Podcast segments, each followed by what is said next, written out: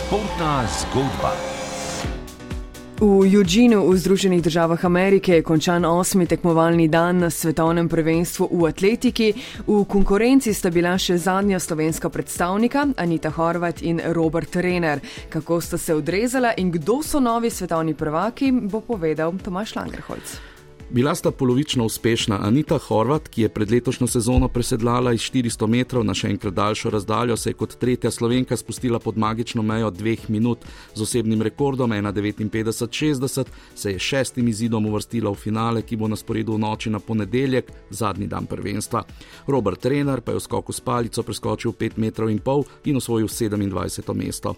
Na sporedu je bilo pet končnih odločitev, v metu kopja je bila najboljša avstralka Kelsey Lee Barber 66. 61-91, v teku na 400 metrov sta svetovna prvaka med atletinjami Shawnee Miller Uibo iz Bahamov 49-11 z letošnjim najboljšim časom na svetu in američan Michael Norman 44-29.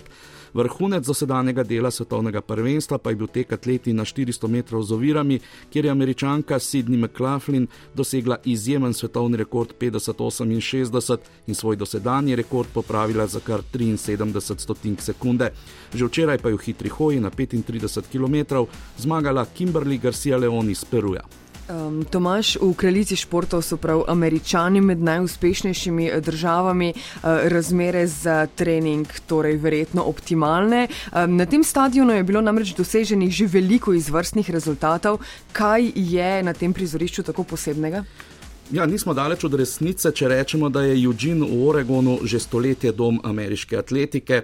Že davnega leta 1919 so prav na mestu, kjer se letos najboljši svetovni atleti in atletinje potegujejo za odličje svetovnega prvenstva, zgradili v tistem času preprost stadion, so ga, kjer so igrali ameriški nogomet. Že od leta 1921 pa je to dom univerzitetnih ekip za atletiko.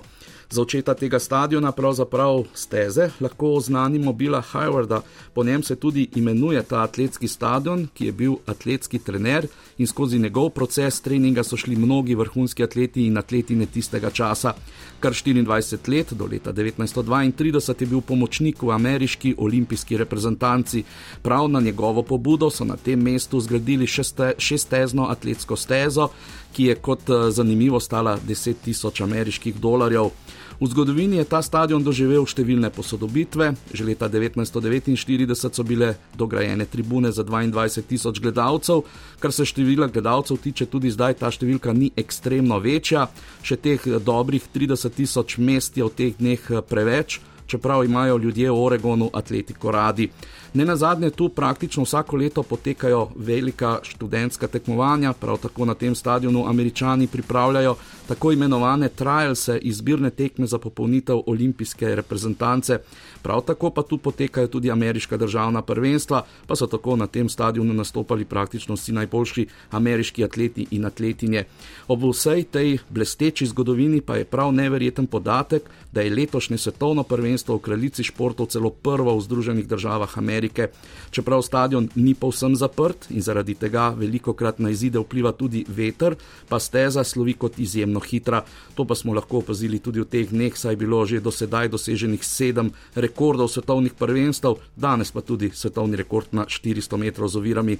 Za domače navijače je bil včerajšnji novi rekord Noah Lylesa na 200 metrov, ko je za stotinko sekunde zrušil 26 let star rekord Michaela Johnsona, še posebno slovesen. Ta stadion pa si bomo ne na zadnje v lepem spominu ohranili tudi slovenci, saj je Kristjan Čeh, ki je včeraj prišel v domovino, postal drugi slovenec z zlato medaljo na svetovnem prvenstvu. Tomaš Langerholc, avtor aktualne športne zgodbe.